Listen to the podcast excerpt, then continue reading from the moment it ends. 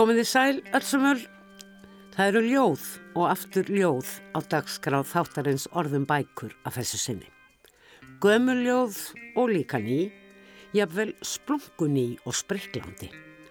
Smásögur ber reynda líka á góma en Kári Túliníu skálduri töfundur fjallar einmitt um stöðu þeirra í bókmyndalífinu en svo það blasir við honum ofan af móskarsnúkum í síðasta pisli sínum. Kári fær orðið í lok þáttar. Um miðbygg þáttarins er loksins komið að viðtali sem ég átti við hinn ötöla ljóðamann og útgefanda Magnús Stefánsson en hann hefur stjórnað útgáfu á ljóðum eftir östfyrsk skáldi í aldar fjórðung. Magnús segir frá félagi ljóðaunnende á Östurlandi eftir tæft korter því við byrjum á splungu nýjum og spriklandi ljóðum.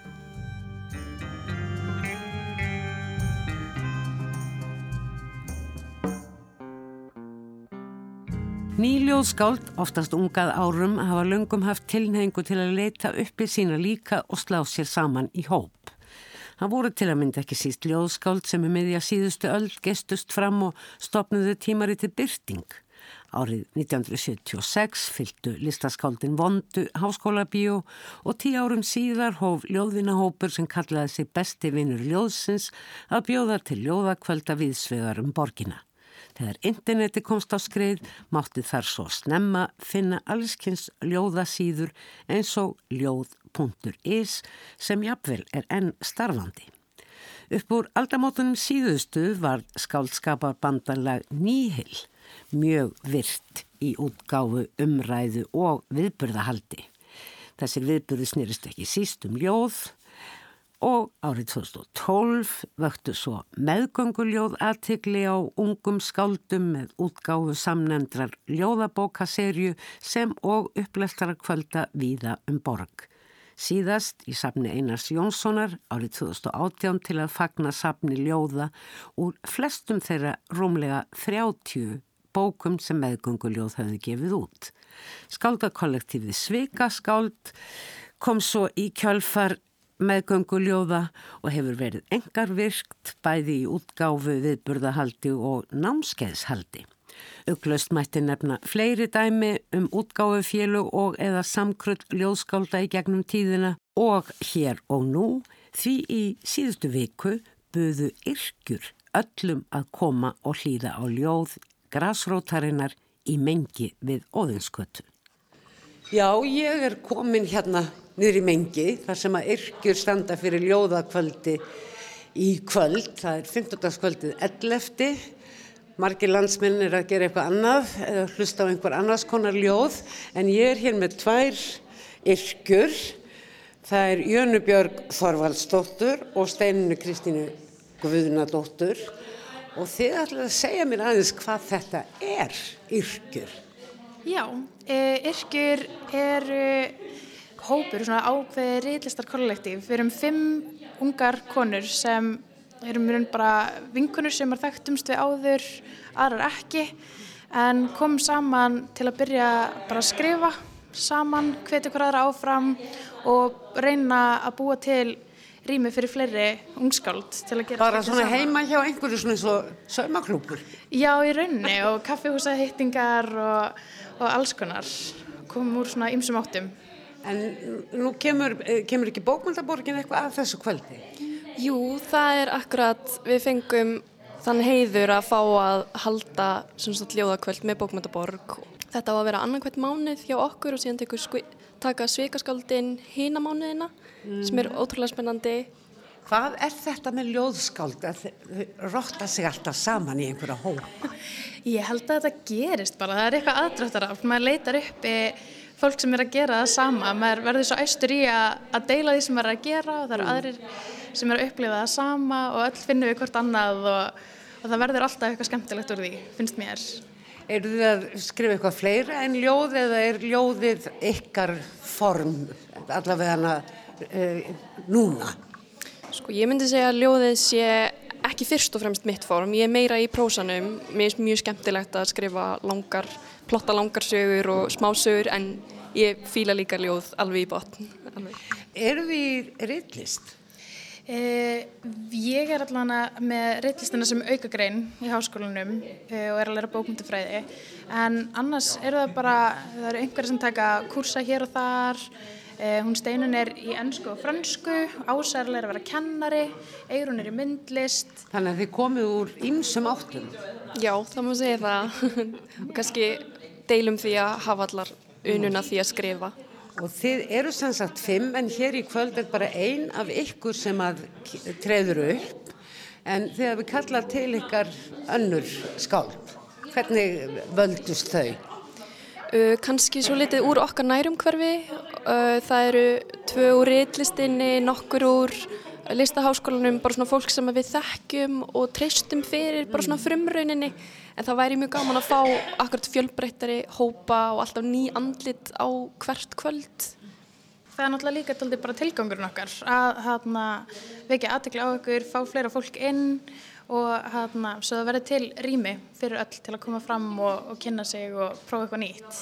Við erum komin með dagsendingar og þeir verða bara tilkynntar mjög, mjög bráðlega. Um, það verður endar ekki núna í júli en í staðin fyrir ljóðkvölda okkur í júli verður uh, svona vinnustofa hérna í júni sem verður tilkynnt, uh, hún verður 21. júni mm. og hérna verður tilkynnt mjög brálega á netinu. Leirburðar versmiðja. Svona, þann reyndar, já, leirburður eru annað verkefni. Já, mér dætt bara þetta orð í hug, ég veit að leirburður er ekki virðulegt orð, en leir og að móta, það er einhvern veginn mjög virðulegt og eitthvað sem bendir til frjósendar og mótunar og sköpunargleð. Jú, algjörlega, það er mitt fyndið að segja það, það er nefnilega nafnið á tímariti bókmyndafræðinima í háskólanum sem heitir leirburður, þannig að það er svo sem bara viðjögandi, kannski. Mm. En ég segi bara við okkur allar hér og mig með talda, góða skemmtun í kvöld. Takk fyrir. Sjáum hvað kemur út af þessu. Takk erlega. Takk fyrir. Sjö ung skáld steg á stokk þetta fyrsta yrkjukvöld í mengi og við skulum hér og nú heyra í nokkrum þeirra. Á vef Ríkisútvarsins má svo hlusta á alla dagskrána. Fyrstur og svið er Sölvi Haldursson Hann er 24 ára, gam, ára gamal og stundan meistranám í reytlist við Háskóla Íslands. Hann hefur gert alls konar, skrifað bókmyndarinni og pisla fyrir Vísjá og lestina á Rás 1, byrt ljóð í pastelreitröð og ýmsum sabritum og Sölvi sækir innblástur sinn í eldhúsið, beigingalýsingu íslensk nútíma máls og reynir líka að fylgjast með fréttum. Gjóða nú gott klapp. Heimælningar Þú kant franska partin í partition auðtana og lætur þið detta niður dauðan, skellur mjúklega á parkitinu, tömlaus drotning, óþektar ormur, einföld ákvörðun, ég stend með diskopuksunum, myndavilasímanum, paprikuskrufunum sem elskaði, með rópum og köllum, lifandi höndum, ég drekk vatn í vatn en get ekki verið viss með þig, spurningamerkið í munvikinu, límónubátuna í glasinu, það stendur kyrt á borðinu, þú liggur á gólfinu í krömbæri skirtu, þú ert að gera þig stúrin, strykur þrjóskar mjadmir og fingrum gegnum hárið eins og þið langið að gangi skrokk. Og í herberginu eru fleiri svona tillögur. Ef vel er að gáð er herbergið kasfullt af auðmjúkum, teinréttum, óþekkum tillögum Og það er svo margt sem ég tekið í misgripum. Auga fyrir auga, róki fyrir feimni, traust í lænu eins og tilætlunarsemi. Og ég hef séð svona áður, ég hef farið í söðburð, reynd að heyra munin á jarmi og kveini, tósað sleiplömbi í heiminn gegnum bleika rifu, séð þau lippast niður, úrvindaði króni, tósað slímið upp úr kokinu með litla fingri. Og ég segðum mannast og hoppað upp í garðan, eldu upp á fjall, gippað sjálfur, ótelsinnum, sett upp karteblur, lagt á borð og látið húsið fyllast heitum ilm. Ótelsinnum. Takk fyrir. Næst er Katrín Lóa Hafsteinsdóttir. Hún er 22 ára sviðsöfundanemi við Listaháskóla Íslands og hefur verið mikill ljóðaunandi síðustu ár. Hæ!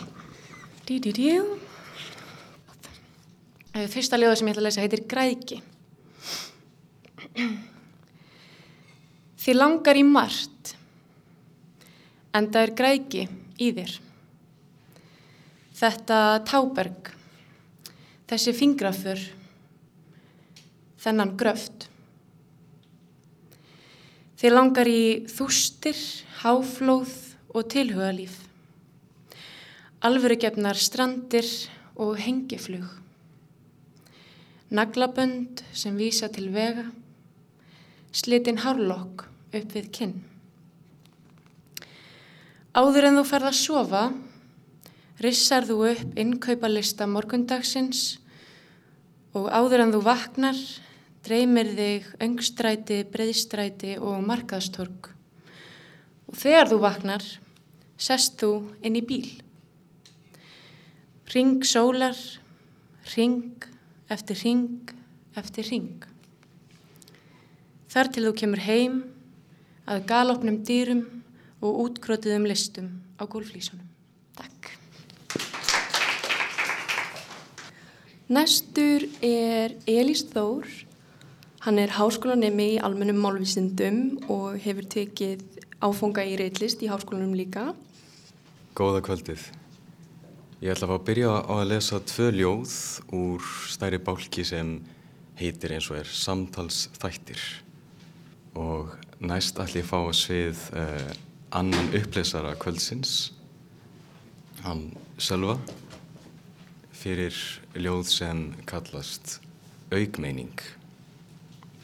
Heyrðu hérna, mér langar alveg að fara Langar mér samt. en ég kemst ekki á morgun. Ég ætla ekki að gera neitt á morgun því ég skulda engum neitt Heyrum samt, í setna lífi. sjáumst. Já, þá ætlum ég kannski bara að bjóða næsta skáldi sviðið. Það er hún Ása Þorsteinsdóttir sem er 24 ára og í kennaranámi að læra að vera íslensku kennari. Hún er í yrkjum og ólst upp í mjög afskektri en undurfallegri sveit austur á hýraði og sækir þar með mest innblástur í náttúruna. Já, komið sæl. Ég er mitt heiti Ása og fjakk hann heiður að vera fyrst af yrkjum til að lesa upp á yrkjukvöldi en alls ekki svo síðasta. Og ég ætla að lesa fyrir ykkur nokkur ljóð. Fyrsta ljóðið heitið Hjartað varð eftir. Hjartað varð eftir, flæktist í kjarrinu, glimtist, liggur líklega á milli þúpna, í lautinni við lækinn, grafið í sinu, túns í órækt, finnst kannski næsta vor, örlítið upplitað, kallt og veðrað eftir veturinn, en þó, en þó gott, en þó sama hjartað. Við heyrðum örfábrót frá ljóðakvöldi Yrkja, ljóðakollektífu sem öruglega á eftir að heyrast meira frá. Ljóðakvöldið allt má hlusta á á vef útvarsins rúf.is. Því grasrótin er jú svo mikilvæg og nýjir sprótar spretta án afláts. En fortíðin má heldur ekki verpast sandi, glimsku og andvaraleysis.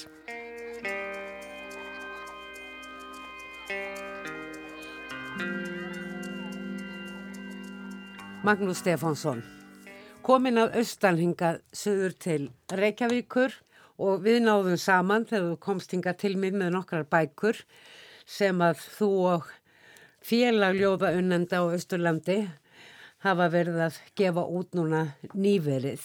Þetta er orðindaldi gamall félagskapur, félagljóða unnenda á, á Östurlandi, eða hvað Magnús? Já, félagi var stopnað 1996 og uh, við hófum nú ekki bókafútgafu fyrir en undir aldamotinn. Fyrsta bókin kom út 1999.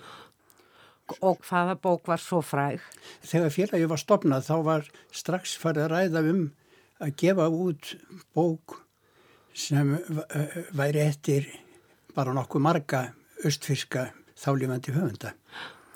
Og það eru 122 höfundar af ljóðum í þessari bók, fyrstu bók og bókin heitir Rattir að austan.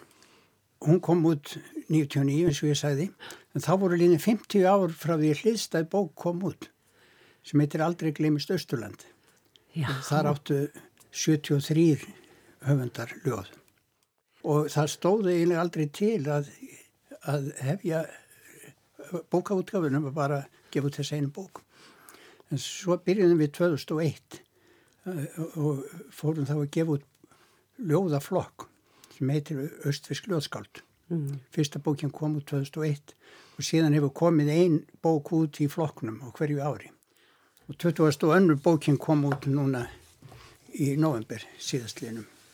Öravanna andar svífa eftir sískinin frá heiðarseli. Já, þetta er úrval úr ljóðum fjögur að sískina sem ólust upp í heiðarseli í Jöklarsiði.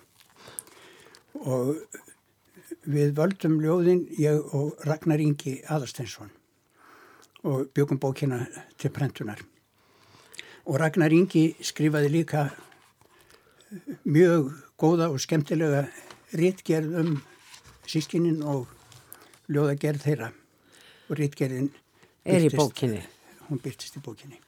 Og þetta eru, sínist mér svona fljótt á litið, þá eru þetta dálitið mikið staðarljóð. Þetta eru ljóð um heimaslóðir, heitir fyrsta ljóðið og er eftir einar Hjálmar Guðjónsson og ég sá nú eitthvað fleira sem hafði með staða að gera. Húsmaraskóli Akkur er að meira segja það er hér uh, ljóð. Jó, auðvitað sækjaðu yrkisefnið tölverð til heimahagana en ljóðin einskorðast ekki við heimahagana þau voru mun víðsýtni en það þessi sískinni og mörg ljóðin er með heimsbyggilegu ífafi. Ég dett hérna niður á opnu með ljóðum eftir Hallvegu Fridriku Guðjónsdóttur og þar er annars vegar ljóðið Hugarflug og hins vegar Jökuls á að dal 1940. Það er spurning hvort að við lesum annarkvort þessara ljóða. Ég getur nú gert það því að þú ert glerugna-laus. Glemdi glerugunum út í bílnum. Hugarflug Ég ferðaðist vornótt frjáls um geimin, á fallegum gæðingi hvítum sem snæ, langaði að eiga allan heimin og yfir fljúa um lönd og sæ. Döggvótu blómin ég reif upp með rótum rétt til að finna ilm þeirra um stund. Rósana blöðu mér, fjallu að fótum, fjallu degjandi í skóarlund. Fjöllin róðnuðu í fjallaskarði, flöyt upp sólinn við útsýnisrönd, þá nótt hafði ég farið að fegursta gardi með föl og degjandi blóm í hönd. Rótslitnar júrtir reyndu að lifa, það reyndist stundum í heimi kallt, um sorgir vil aldrei sólinn skrifa, með samúð blessar hún lífið allt. Er nú mikil speki í þessu ljóði. Já. En líka svo litil uh, eftir sjá fluttist Hallveig Freirika burt eða? Já, þau ólust upp í heiðasili, jökullarseiði og voru öll komið til fullorins ára þegar fjölskyldan svo flutti burt. En Hallveig var yngst þeirra fætt 1923 þannig hún hefði orðið 100 ára núna á þessu vori og hún hefði lifað. Mm. En eins og hefur komið fram þá eru þetta fjögur sískinni. Elstur var Einar Hjálmar og næst var Solveig, þá Arnheiður og Hallveig Fridrika yngst. Það eru flest ljóð þarna eftir Einar og Hallveigu. Það var minna sem hinnar sístunar skildu eftir sig af ljóðum. Dett hérna niður á aðra opnu og þetta eru greinilega líka mjög personulega ljóð. Hér er ljóður Dótturmissir eftir Solveigu Sigriði Já. og móti Steinrunnin. Hvers konar ljóð er það? Já. Hún var ung og reklus, skildi í manna megin og morgun sólinn skein. Hún hallaði sér á göngunni upp að stórum stein, hún hallaði sér að steininum Ognar loppa grá kom undan honum þá. Hún greip um hennar hjarta svo það hætti að slá. Nú skinnjar hún kvorki réttni ránt, þungaru mannamein. Hún sér hvorki sól nýja fjöll, sér aðeins gráan stein. Sestu meðal blómana barn, ef þú ert ein. Engin veit hvað leynist inn í gömlum stein. Hún, Solveig, hún bjó með manni sínum á Brimnesi við Seyðisfjörð og húsið þeirra brann 1961, þá fluttu þau inn í köpstæðin á Seyðisfjörði en þar fóru handrítinnar, þau eðurlöðust í eldi. En hún skrifaði upp tölvert af þeim. Mm. Mundi. Já, og eins Solveig Sigurðardóttir á Seyðisfjörði, hún bjargaði mörgum ljóðum hennar, skrifaði ljóð upp eftir nafnu sinni. Þannig að þetta fólk, þessi sískin, þau hefur þyrst í að koma þess á framfæri. Byrtu þau eitthvað? Þau, sko, þau örðu þekkt á Östurlandi fyrir hagmælskuna og skaldskapin. Tvö sískinana gaf út ljóðabækur. Einar gaf út ljóðabók, þetta er Skíarof og Hallveig gaf út þrjár ljóðabækur. Einmitt. En er Solveig og Arneiður hafði ekki hýrt um það að gefa ljóðin sín út. Ég tel útgáfa þessara bókar hann verið alveg tímabær og við gáfum hana út til þess að minnast þessara Sískina. skáldmæltu sískina frá. Heiðaseli. Var þetta allt hvaða fólk svona í sinni sveit? Sko Einar var, hann var hérna mjög politískur, hann var vinstri sinnaður og það kemur vel fram í ljóðunum hans. Hann var verkamæður á Seyðisfyrði. Það er hérna líðræði. Líðræði skal miðað við málstað hinnar ríku. Svo mammon geti óhindrað stigið sérkvært spór. Rángstleitnin er mögnuð og rennur ekki hólmi þó rittningi sé lesin og þulið fadir vor. Þessi lausavísa er eftir Einar Guðjónsson. Kemur þar glögt fram Og- hans hérna lífsafstæða. Hérna staka. Þó að heimsins gott sé gjald og gullið auki framann, í lokin fúið ferðatjald, flestir brjóta saman. Helgasti staður hér á jörð er háfjallakirkja svo, þar sem barnið týndi sinn blómvönd fyrst í bernskunar sólskins trú. Fallegt. Það eru margar fallegar og lausavísutnar hennar artniðar þær eru náttúrulega líka alveg frábærar hérna er til dæmis lausavís eftir hana sumra logar besku bál þótt brosið kviki á vörum er sem leynist eitrað stál undir hægum svörum Þess vegna svolítið kaltæðin. Daprast hugur, ríkist geð, harmsins örvar stinga, þegar leikur létt úr með lífsins einstæðinga. Gróði eins er annars tap, oft fyrir martað veði, fyrir kráar kunningskap, keifta og selda gleði. Þetta er svona sínisotna lausavísum artneðar. Sko, þú sér það að titilbókarinn er sóttur í þessa. Já, já, já, já, ljóð. öðrafanna andarsvífa.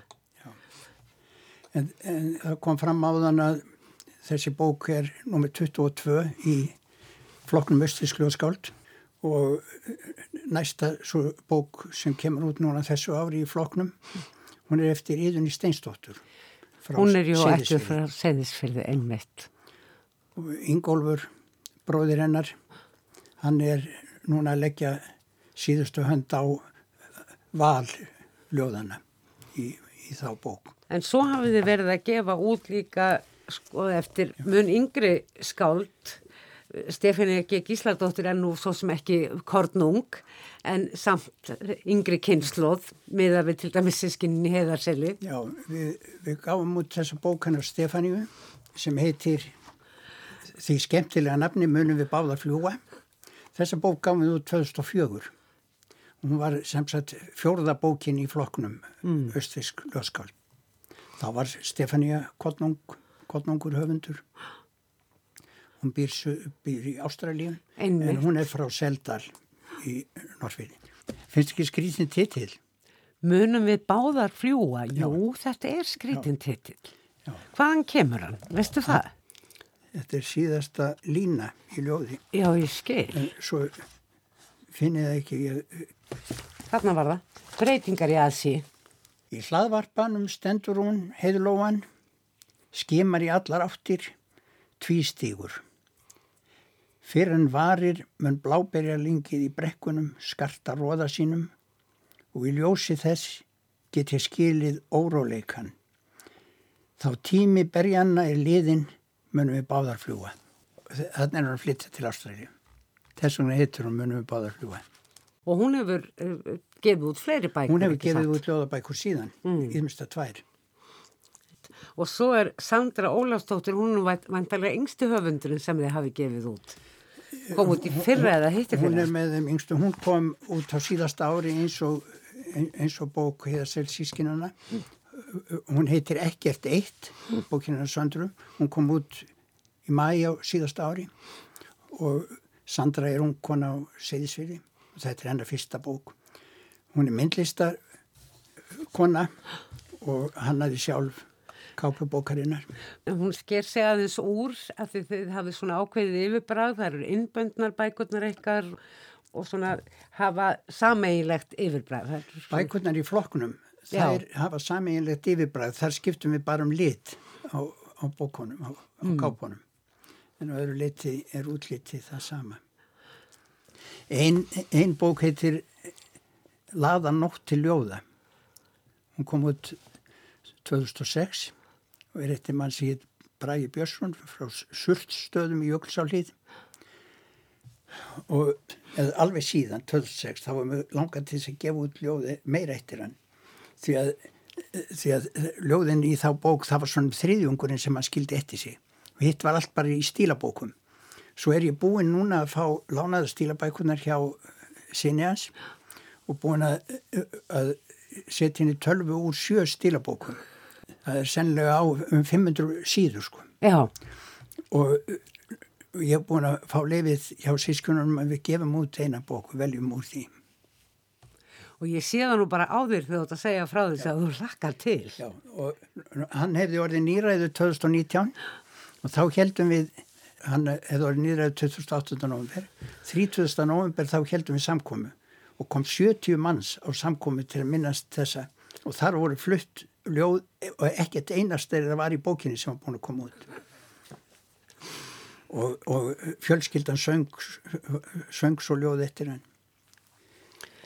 Það er mikið ljóða fjör á Östurlandi, heyri ég. og við hérna höldum ljóða kvöld og höfum gert það víða um fjörðungin og til dæmis frá 2009 þá byrjuðum við að halda ljóðakvöld í Seldali í Norrfyrði, það sem hún er hérna Stefania. já, sýstirinn heitir Ína og hún er gælkeri ljóðafélagsins 2009 byrjuðum við að halda ljóðakvöld í Seldal og heldum við e- e- árlega í tíu ár Það er svo góður salur í Seldal. já, og, og reyndar þegar þessi kom út þegar heldum við útgáfið þetta við höldum alltaf útgáfið þetta Já, Þessi kom út fyrir tveimur árum. Raldir dagana, Hannes Sigursson. Já, þá heldum við útgafu teitt í Amtsbókarsafnum á Akureyri. Hann er á heima Akureyri þessi.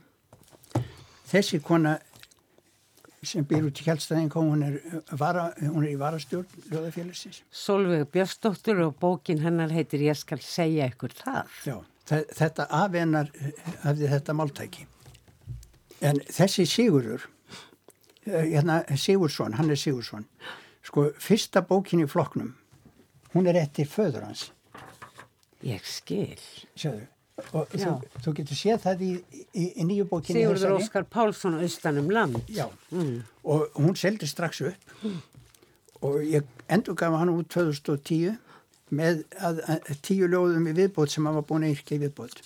Svo gaf ég út frásögur, það er eh, 2016, þá gaf ég út úrval úr sögum hans. Já, hann skrifaði prósa líka. Já, já, já.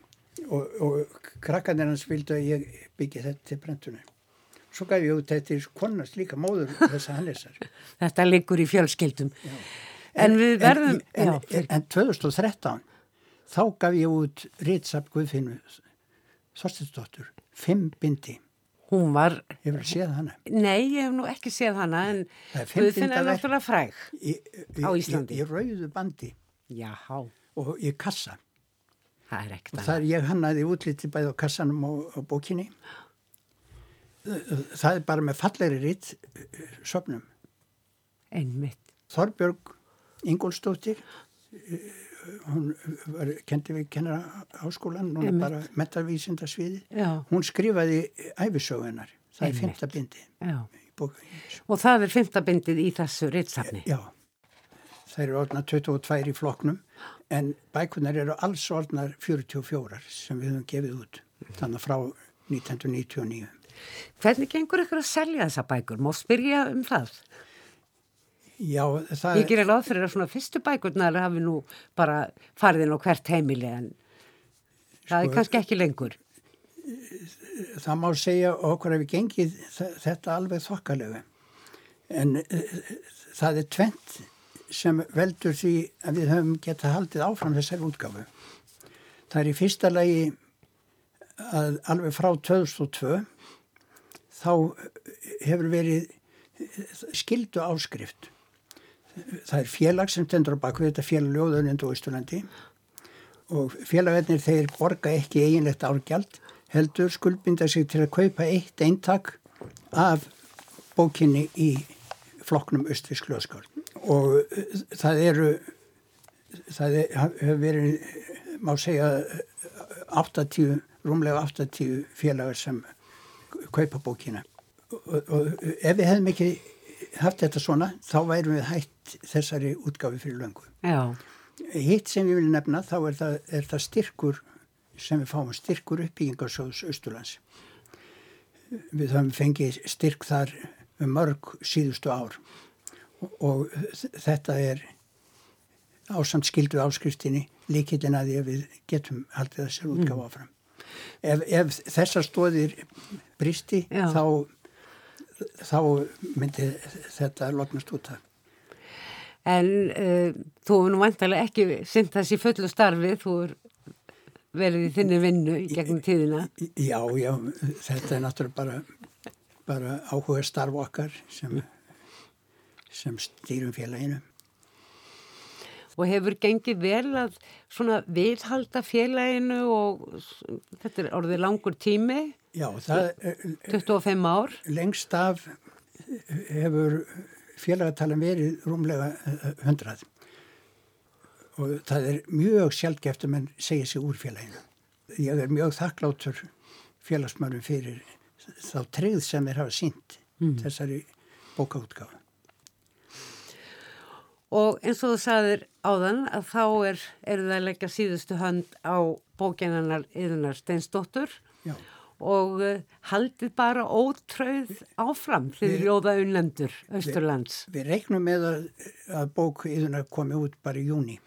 Magnús Stefánsson þakka þér innilega fyrir að koma við og þakka þér fyrir allar þessar dásamlegu bækur og fyrir eljuna við að standa í þessu, allar þessa áratýji. Já, það er, því fylgir bara ánægja. Við höldum þessu eitthvað áfram. Takk fyrir. Takk sem við leiðis.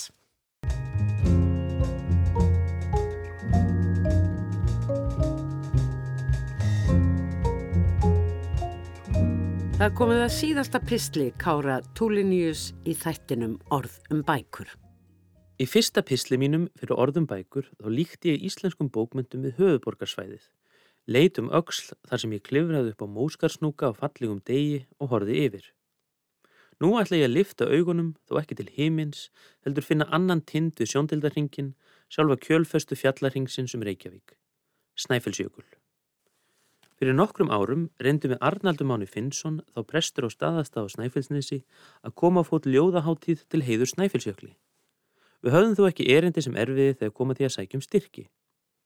Kveikjan að þessu ófullgerða verkefni var að fyrir fimm árum eða svo komu fréttið þess efnis að jökullin myndi hverfa á næstu áratugum og verða mestu horfin um miðja þessa öld. Snæfellsjökull er ekki bara merkilegt náttúrufyrirbrigði, heldur einni eitt mikilvægasta kennileiti íslenska bókmynda og í því samengi næra nefna Bárðarsögu Snæfellsás, kristnihaldundi Jökli eftir Haldur Lagsnes og Snæfellsjökul gengur á land eftir Steinunni Sigurðardóttur og ekki bara íslenska bókmyndir, því Jules Verne skrifaði um hann eins og heimsfrækt er. Við þóttir rétt að skáld myndi heiðra jökulinn sem hefði gefið okkar stjett svo mikið áður en hann hirfi. En við Íslandingar erum jú í þeim spórum að bera vittni um ótrúlegar breytingar í náttúru landsins sem fylgir hamfara hlínun heimsins. Engin sem mann 20 ára aftur í tíman eða meira verður ekki slegin að því hver margt hefur umturnast. Þegar ég var barn á nýjunda og tíunda áratú liðinar aldar það var uppblástur mikill og rófabörð sínileg út um allt. Nú eru fjálsliðar sem eitt sem voru dökkgráar, orðnar grænar og trjágróður farin að sjást upp á hálendi. Að sama skapi eru jöklar eskuminnar svipur hjá són. Við Íslendingar munum sér ekki þessa vini okkar og allt þetta mun óhjákvæmilega byrtast í ljóðum okkar um náttúru landsins. Þessi strax ferða sjá merki hvæðum skálda, til dæmis hjá fyrirnemndri steinunni Sigurðardóttur og hjá öðrum skáldum eins og Hauki Ingvarsinni og Þórði Sævari. Það er næsta ómögulegt að sjá fyrir þið óordna en auðvitað munu íslenskar bókmentir endur spekla þessar miklu breytingar í umhverfi landsins. Það er erfiðar að spá hvað annað næstu ár og áratýr muni bera í skauti sér. Við fyrstu sín geti vist að ekkert eigi eftir að breytast á næstunni í borgarlandslægi íslenskar bókmynda. Að íslenskar bókmyndir búið við stöðugt ástand og því sé ekkert sem kný á annars konar ljóð og sögur þar sem ekkert bendi til annars en að ríkið muni halda áfram að styrkja listafólk og Íslandingar gefa enn hvora öðrum bækur um jólinn. En þó eru merki um að veri sé að leggja nýjar götur, ný hverfi skipulögð, beigðmunni rýsa í nýju landslægi. Fyrst ber að nefna að á síðustu tíu árum eða svo hafa stíið fram nokkur fjöldi höfunda sem lærðu íslensku og fulloninsaldri. Elias Knörr, Bergrún Anna Hallsteinsdóttir, Tapio Koivukari, Natasja S. og Jakob Stakkovjak hafa öll gefið út ljóðabækur sem eru með því allra áhugaverðasta sem sérst hefur á íslenski tungu undan farin áratug. Fyrir utan það þá býr hér þó nokkur fjöldi höfunda sem skrifa öðrum málum en íslensku, til dæmis Satur Ramö, Jóakim B. Schmidt og Giti Chandra. Þessi þróun mun á öllum líkinum halda áfram. Aldrei hefur verið auðsóttara að læra íslensku niður auðveldara að setja stað hér á landi. Önnur grundvallar breyting sem hefur orðið á íslenskum bókmyndum er að nú er að hægt að sitja nám í reitlist og útskrefast með mistaragráðu frá Háskóla Íslands. Þó ekki séu það allir sem eru með skaldadröma sem fara í það nám, þá er það drúur hluti þeirra. Talsvert af græsrótarútgáfu er einni á vegum námsins eða nefnana sjálfra til dæmis sabrit sem kom út reglulega. En það sem er kannski mikilvægara er að nefnarnir hitta fyrir lesendur, það er að segja kennara og aðra nefendur. Á 20. öld og fram að hrunni þá var fjöldin allur af tímaritum og dagblöðum sem byrtu stittri texta, ljóð og smásögur. Nú er næstum ekkert eftir af því fjölmiðla landslægi. Á fyrri helmingi liðens áratugar þá var nokkuð öflug vefreita útgáfa en hún hefur að miklu leiti loknast út af. Fólk byrti ljóð á Facebook, bæði eigin stöðufæslum sem og í hópum en skrif og lestur smásagna er að miklu leiti alveg bundið við rýtlistanámið. Jú, einhver smásagnasöp komu út á hverju ári en þau má telja á fingurum sér. Smásagan er ekki eina bókmyndagreinin sem eru orðið út undan nýverð á Íslandi, en það er þess virði að huga aðeins aðeinni sem dæmum það sem eru að jæðri íslenska bókmynda. Smásögur eru nefnilega oft vettfangur fyrir tilraunir með frásagnir, aðferðið þeirra og innihald. Það er ein af ástæðinu fyrir því að það form hendar ákvæmlega vel í reillistanámi. Skáld sem er að fikra sig áfram í fæinu geta prófað mismjöndi stílform, breytt hugmyndum í sögu og fundið út hvers konar höfundar þeir vilja vera. En smásögur er ekki bara fyrir þau sem þær rita því lesendur finna líka upp á nýjum aðferðum til að lesa. Í bókmyndasögunni, eins og hún er ofta sett fram, eru í aðarhlutverki skáld, útgefundur, reitstjórar, gaggrínendur og annað fólk sem kemur að útgáfu og umfjöllun um bækur. Þetta er mjög eðlilegt en er samt álítið eins og að segja sögur Reykjavíkur út frá arkitektum, verktökum, gardirkjustjórum, byggingafulltrúum og öðrum sem koma að lagningu gatna, smíði húsa og garðrækt. Við veitum að sjálf að borg er, fyrst og fremst, samansett úr þeim íbúum sem í henni dvelja. Að samaskapi eru bókmyndir að miklu leiti sköpun lesenda þeirra. Því þurfa þær að vera lesnar svo þær lifi. Jólabókaflóðið, svo dæmis í tekið, væri ekki fyrir hendi ef fólk hefði ekki gaman að því að gefa bækur og þykja þær að gjöf. Ef stórum hópið fólks þætti ekki mikilvægt að tilværi bækur á íslensku, skrifar af lifandi skáldum, þá væru þær ekki fyrir hendi. Það sem lesendur kaupa, taka á bókasöfnum, tala um sín á milli, hvort sem það er í jólabóðum eða á netinu, hefur svo aftur áhrif á það hvað forlög gefa út og höfundar skrifa því forleggerar og skáld eru lesendur og eru alltaf í samræði við aðra lesendur, bæði bókstaflega og í bókum sínum. Nú er heil bókmyndagrein, smásagan, orðin hordreka á Íslandi. Það er ekki skrítið, því smásugur byrtust helst í tímaritum og dagblöðum en síðustu 15 árin hefur útgáfa þeirra dreist verulega mikið saman. Það þýð þó ekki að færri smásugur séu ritaðar, því við vitum að reitlistar nema semja þær. Svo ég tali sem skáld, þá kannast flestir kollegar mínir öruglega við það að byrja á sögu sem allt í henn er kláruð eftir nokkra blaðsjur og einhver hægt að bæta við. Þessar smásögur eru lesnar en bara af litlum afmörkuðum hópi hvort sem það eru aðrir rillistarnemar eða fjölskylda og vinnir. Að sumi leiti er þetta aftur hvart til handrítamenningar þar sem sögur, ljóð og aðrir tekstar voru aðeins aðgengilegir örfáum. Það er auðvitað ekki svo að lesendur fái þessar smásögur hanskeiðar heldur eru þetta tölvuskjöl og stundum útprent sem ganga millir fólks. Tæknilega væri vel hægt að byrta þessar sögur á netinu með lítilli fyrirhöfn eða gefa út í heimagerðan bæklingum en ekki hefur verið mikið gert að því. Engverjar smásögur hafa byrst á bloggum og í vefritum en fjöldin er ekki mikill og þetta hefur ekki verið gert reglulega. Helsta hljóðbókavita landsins er með tæplega 50 íslenskar hljóðbækur í smásagnarflokki sínum og sumtir eiginlega á mörkunum að telja til smásagna svo sem upptökur af kaffibrúsaköllunum. Þannig að smásagan á mjög erfitt uppdráttar við núverandi aðstæður í íslenskum bókmyndum. Ég held að smásagan sem form eftir að blómstra aftur. Ásann kollega mínum Þórtísi Helgadóttur hefur verið að reyna að koma á fót vefriti sem mun byrta eina eða tver smásögur á mánuði svo að eitthvað af þessum fjölda smásagna sem til er í handriti komi fyrir almenningssjónir. En þegar þetta er skrifað í februar og tekið upp í mars þá er enn okkur langt í lands og aldrei að vita hvað úr verður. Smásögur munu halda frá að vera skrifaðar og vonandi ná þeir að brjótast út úr þeim fjötrum sem þeir eru nú bundnar í og komast til lesenda. Að lókum vil ég segja að það er ekki sjálfsagt að tungumál sem nokkur hundru þúsund manns tala hafi jafn blómlega reitmenningu nýjað hún tegi sér næstum þúsund ára eftir í tíman. Því þurfum við sem þessa bókmenningu dáum að hlúa að henni. Ég held samt ekki á henni hverfa og mér finnst það næst og ómögulegt að ímynda sér að Íslandingar hægt að leika sér með tungumál sitt og setja fram hugsanir og frásagnir á íslensku. Íslenskar bókmyndir eru, fyrst og fremst, afurð þessa skemmtilega leiks. Hvernig það byrtast, hvort sem það er á prenti eða annar staðar, verður hins vegar alltaf breytingum undirorpið. Það eina sem ég er alveg vissum er að bókmyndir framtíðarinnar munu færa lesendum sínum gleði, ánægi og eitthvað til að hugsum og það verður jafn auðvelt þá og nú að týna sér á flandri um borgargötur íslenskra bókmynda. Kári Túlinius flutti síðasta pistilsinn um útsýni yfir landslag bókmyndana síðan ofan af móskarsnúkum haf heila þökk Kári. Fleiri verða orðum bækur ekki að þessu sinni. Tæknimaður þáttarins var Kormákur Marðarsson. Takk fyrir að hlusta. Verði sæl.